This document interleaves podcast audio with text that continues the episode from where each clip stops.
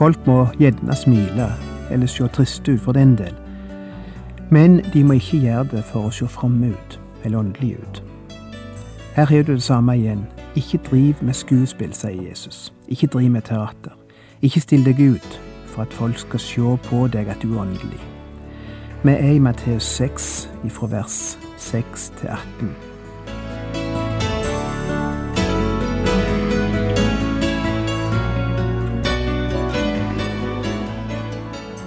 Hjertelig velkommen til et nytt program i serien Vindu mot livet. Vindu mot livet er basert på programserien Insight for Living ved Chuck Svindal. Programmet er produsert av Kristen Riksradio og blir ledet av Ola Bjoland.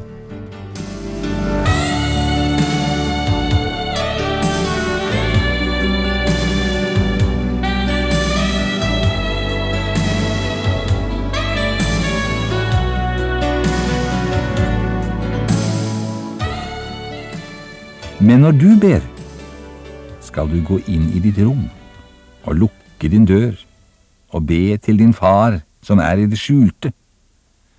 Og din far som ser i det skjulte, skal lønne deg. Når dere ber, skal dere ikke ramse opp ord slik hedningene gjør. De tror de blir bønnhørt ved å bruke mange ord.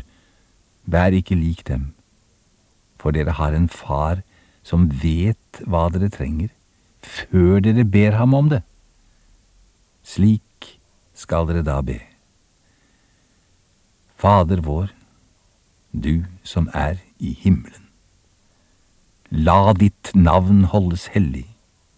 La ditt rike komme. La din vilje skje på jorden som i himmelen. Gi oss i dag vårt daglige brød. Forlat oss vår skyld, som vi òg forlater våre skyldnere. Led oss ikke inn i fristelse, men frels oss fra det onde. For riket er ditt, og makten og æren i evighet. Amen.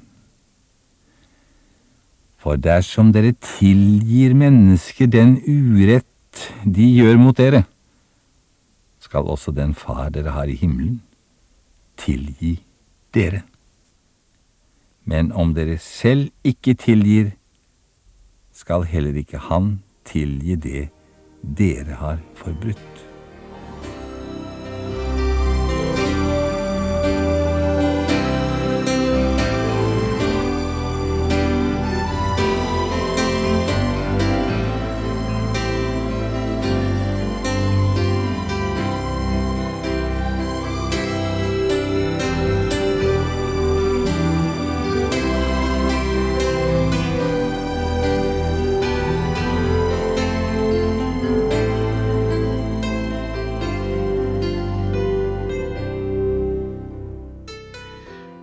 Vi må ha med litt til av den teksten som Per Christensen ikke leser. Vi må ha med ifra vers 16 òg.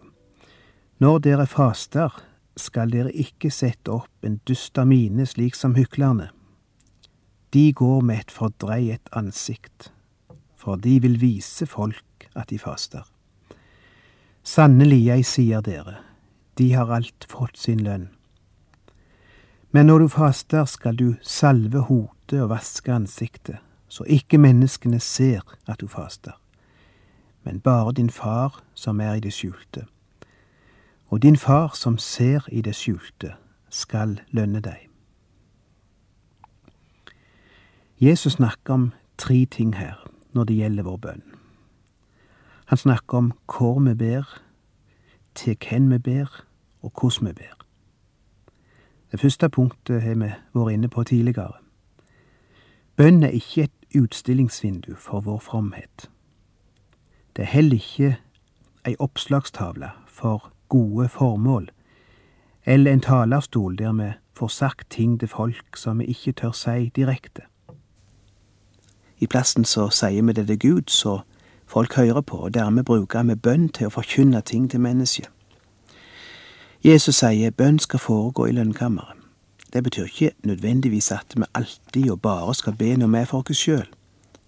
Av og til kan vi òg be offentlig, sammen med andre folk.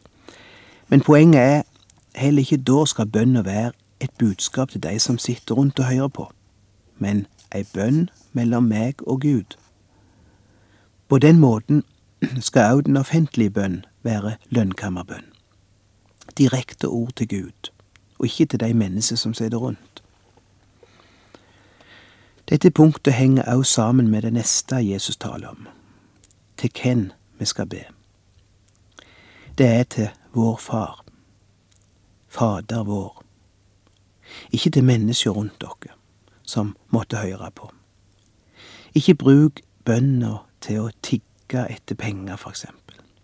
Ikke si Far, du vet at vi trenger midler til dette. Du vet at vi trenger noen som er villige til å gi. Velsign disse som sitter her nå, slik at de må få nåde til å se hva dette dreier seg om, og få nåde til å gi mye, og så videre i den duren. Og jeg kunne nevnt hundre eksempel. Jeg har synda sjøl mange ganger her. Det innrømmer jeg åpent, og det vet folk som har hørt meg. Men jeg ønsker å lytte til Jesu ord her, og jeg ønsker å rense min bønn, slik at den blir bønn, og ikke foredrag eller reklame eller innsamlingsmiddel Vi skal komme tilbake til dette med hvem vi ber til. Først må vi ta med ordet i vers sju. Når dere ber, skal dere ikke ramse opp ord slik hedningene gjør. De tror de blir bønnhørt ved å bruke mange ord. Vær ikke lik dem, for dere har en far som vet hva dere trenger, før dere ber ham om det. Betyr det at vi ikke kan be flere ganger om samme ting. Nei, det er ingenting med det å gjøre. Jesus ba sjøl mange ganger om de samme ting. I Matteus 26 vers 44 står der Nå lot ham dem være og gikk på ny bort og ba for tredje gang, med de samme ord som før. Paulus òg ba om det samme mange ganger. I 2. Korinterne 12 står det at han ba tre ganger om nøyaktig det samme at han måtte bli fri smerten i kjødet. Tre ganger ba Herren om å ta det fra meg, sier han. Det er ikke repetisjon av bønn Jesus angriper her, men det er tom repetisjon. Meningsløs repetisjon. Det er meningsløs gjentagelse av ord han snakker om. La meg vise deg et eksempel på dette. I apostelgjerningene 1934 Konteksten der er Paulus som er på misjonsreise, og det bryter ut et opprør i byen Efesus, og vi leser i vers 34. Men da de skjønte at han var jøde, skrek de alle i kor, i to samfulle timer, stor er efeserne Artemis. I heil to timer bare denne ene setningen, om igjen og om igjen og om igjen. Stor er efeserne Artemis. Stor er efesernes Artemis. Stor er efesernes Artemis. Prøv det i ti minutter tenke du har fått nok da. Her holdt de på i to timer. Det er ordgyteri. Det er tomme gjentagelser, som til slutt blir en rite eller et ritual. Den kjente teologen Bruce sier hedningene trodde at ved endeløse repetisjoner av mange ord skulle de informere deres guder om deres behov, og trøtte dem ut slik at de til slutt ga etter for deres bønner. Hvor annerledes vår Gud er. Dere har en far som vet hva dere trenger, før dere ber om det. Du trenger ikke trøtte ut Gud. Du trenger ikke trøtte ut deg sjøl. Si Fader vår, og så kan du be Han om det du trenger. Slik skal dere da be. Fader vår, du som er i himmelen. Jeg vet noen vil si, og mange har sagt det til meg, jeg har problemer med å forestille meg Gud som far, fordi jeg har et negativt farsbilde fordi jeg hadde en far som misbrukte meg, som ikke viste meg kjærlighet, osv. Derfor skaper ikke ordet far gode assosiasjoner hos meg. Ja, og jeg vet det. Men denne far er så annerledes. Jeg vet ikke hva annet jeg skal si enn at denne far er så annerledes enn din jordiske far, eller enn en jordisk far. La ikke dine negative opplevelser av en jordisk far få kaste skygge over Gud som far. Jesus visste at mange av tilhørerne som hører på dette, hadde ikke noen god far. Likevel lærte han oss å be Fader vår. Jeg skal ikke kommentere denne bønna så veldig mye, akkurat denne første delen, altså. Jeg vet det kunne holdt en hel bibeltime over hvert eneste ord her, iallfall over hvert enkelt ledd i bønna. Men jeg føler meg på en måte står på hellig grunn her. Jeg føler at jeg ikke ønsker å dra det for mye ned på jorda med mine ord eller mine kommentarer. Fader vår kan tale for seg. Gud trenger ikke hjelp til å gjøre sin sannhet mer forståelig, iallfall ikke når det gjelder denne bønna. Så jeg skal begrense meg til noen få kommentarer, som kan være mer som vitnesbyrd. La ditt navn holdes hellig. Der har vært mye skrevet og sagt om det er en god oversettelse, dette i forhold til den gamle oversettelsen som hadde Helliget vorde ditt navn. Saken er at vi kan, vi kan ikke gjøre Hans navn hellig. Jeg må tenke på den sterke scenen i en film om Lincoln, der han møtte opp på en krigsskuleplass for å innvie plassen og gjøre det til et minnesmerke etter de falne. Det var et område som bar sitt sterke preg av de harde slag som var blitt ukjempa der, og de mange soldatene som hadde falt i kampen for friheten. Og president Lincoln sto der framfor plassen og så utover markene der merkene etter krigen lå utover alt, og han sa, Vi kan ikke innvie denne plassen. Den er allerede innviet. Det er allerede hellig grunn. De tapre menn som kjemper her, og døde her, har allerede innviet plassen. Her trengs ingen ny innvielse. Og jeg tenkte på den scenen da jeg las disse ordene i Fader vår. Helliget vorde ditt navn. Vi kan ikke gjøre det navnet hellig. Det er hellig. Han er sjøl innvia det. Vi kan bare respektere det, og holde det hellig for oss sjøl. Så dette er egentlig ikke ei bønn om at vi må være med og gjøre Hans navn hellig, men det er mer en stadfestelse av et faktum. Ditt navn er hellig. La det være hellig også for meg. Og så videre, la ditt rike komme. La din vilje skje på jorden som i himmelen. Ikke bare ei bønn om at Hans rike må komme sånn rent generelt, og at Hans vilje må skje sånn, sånn generelt, men jeg oppfatter det som ei bønn om at det må skje i mitt liv. La ditt rike komme i mitt liv. La din vilje skje i mitt liv. Det er en overgivelse av meg sjøl til Hans vilje og til Hans rike. Tenk om dette kunne bli mer enn generelle ord om at Hans rike måtte gå fram på jord, om det kunne bli en daglig overgivelse av vårt eget liv, vår egen vilje, til Hans vilje. En slik måte å be Fader vår på skulle revolusjonert ditt liv.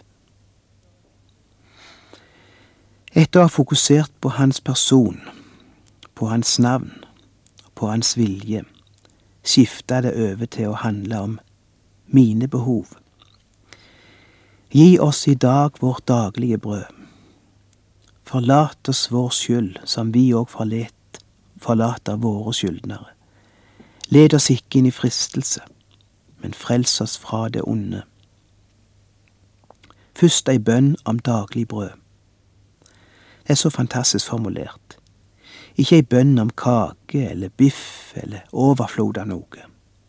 Bare de fundamentale behov, daglig brød, det jeg trenger for å leve. Det har Jesus lært dere å be om, og det skal vi få be om.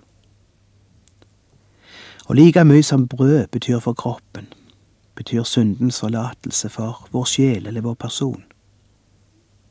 Forlat oss vår skyld, som vi òg forlater våre skyldnere.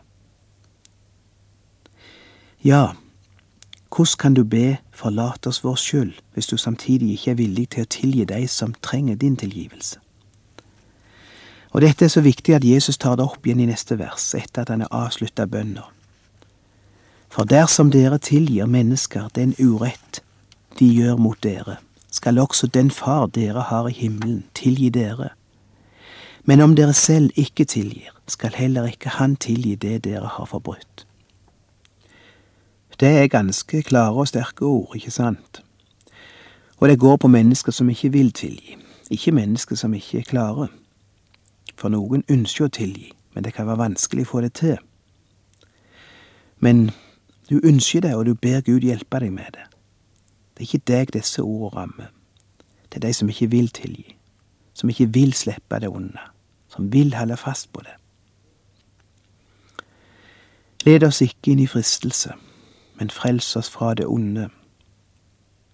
Ja, hvordan skal nå det forstås? Hvordan skulle han kunne lede oss inn i fristelse? Gud frister vel ingen står det ikke i Jakobs brev at ingen må si at han blir frist, når han blir frista, at jeg ble frista av Gud. For Gud kan ikke fristes av det vonde, heller frister han ingen. Står ikke det i Jakobs brev?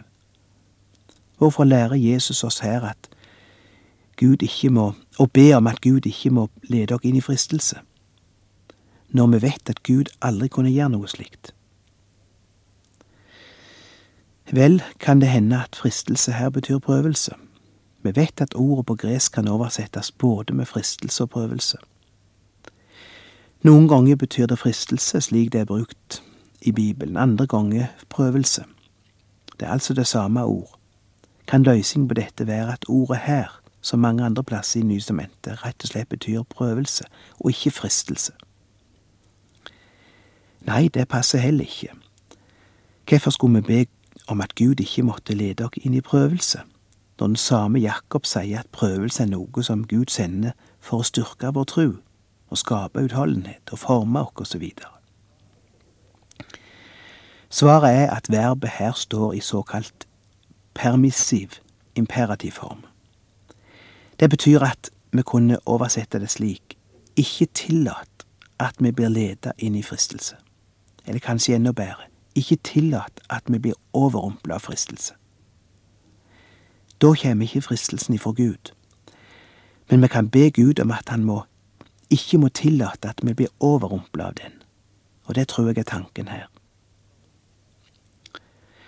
For riket er ditt, og makten og æren i evighet.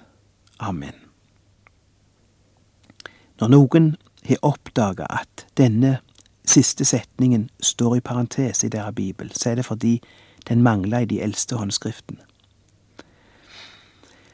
Men vi må ta med òg vers 16 og 17 til slutt i dag, fordi det hører med i sammenhengen, der Jesus taler om vårt trosliv ikke må bli et teater, men en sak mellom oss og Gud. Og Han nevner tre områder der dette er viktig, og vi har sett på to av dem. Når det gjelder våre gaver, våre gaver, og når det gjelder vår bønn. Her trekker Jesus inn det tredje området, faste. Når dere faster, skal dere ikke sette opp en dust av mine slik hyklerne. De går med et fordreiet ansikt, for de vil vise folk at de faster. Sannelig, jeg sier dere, de har alt fått sin lønn.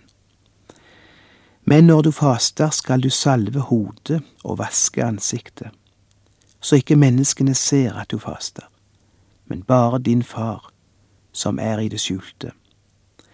Og din far som ser i det skjulte, skal lønne deg. Jeg vet ikke om du noen gang har vært rundt mennesker som ønsker å se åndelige eller fromme ut. Enten går de rundt med et evig smil over munnen og ser ut som de er i en sammenhengende lykkerus, eller motsatt, de ser så alvorlige ut at du skulle tro de var i en sammenhengende begravelse hele livet. Og det er greit nok, folk må gjerne smile, eller se triste ut for den del. Men de må ikke gjøre det for å se fromme ut, eller åndelige ut. Her har du det samme igjen. Ikke driv skuespill, sier Jesus. Ikke driv med teater. Ikke still deg ut for at folk skal sjå på deg at du er åndelig. En sa det slik en gang. Du kan godt være fundamentalist, men du trenger ikke gå rundt og se ut som en fundamentalist. ikke det er ganske tankevekkende? Ikke gå rundt og se ut som en fundamentalist. Ikke gå rundt og forestille deg som noe. Ikke gå rundt og se ut som noe som helst. Vær deg sjøl. Og la det livet som er i deg, komme ut naturlig. Ikke for å vise deg fram, men fordi det er naturlig for deg. Jesus sier ingenting imot faste her. Faste kan være nyttig. En gang anbefalte han disiplene å faste. Det kan være sunt både for kropp og sjel. Og i helt spesielle situasjoner, framfor helt spesielle oppgaver, eksempel, kan det anbefales at en avstår for ei tid de daglige ting, som mat og jobb og alt som forstyrrer konsentrasjon om den oppgaven en står overfor. Ikke nødvendigvis at en sulter, men at en reduserer på maten, og reduserer på de inntrykkene som kommer gjennom sansene, og som er lett for å distrahere. Det er det som er poenget. Det er det som er faste. Ikke, gjør, ikke noe vi gjør for å gjøre inntrykk på mennesket eller på Gud. Faste er en ren pedagogisk funksjon. Dermed er vi gjennom dette lange avsnittet om sann og falsk fromhet, sann og falsk gudsdyrkelse. Sann fromhet er en hjertesak, noe mellom deg og Gud. Det betyr ikke at den skal være skjult. Tvert om skal den lyse og skine for mennesker, sier han i kapittel foran. Så de kan sjå det, sjå de gode gjerningene og prise Far i himmelen. Men da er ikke motivet å bli sett, men at han skal bli sett. Vi skal la livet flyte fram, og hvis vi lar livet flyte fram, så vi lever det ut, ikke for å vise oss fram, men fordi det kommer naturlig, og fordi det er det livet som skal vitne for mennesket om den Gud vi har fått, og den Gud som vil forandre våre liv. Da blir det er lys og salt i verden.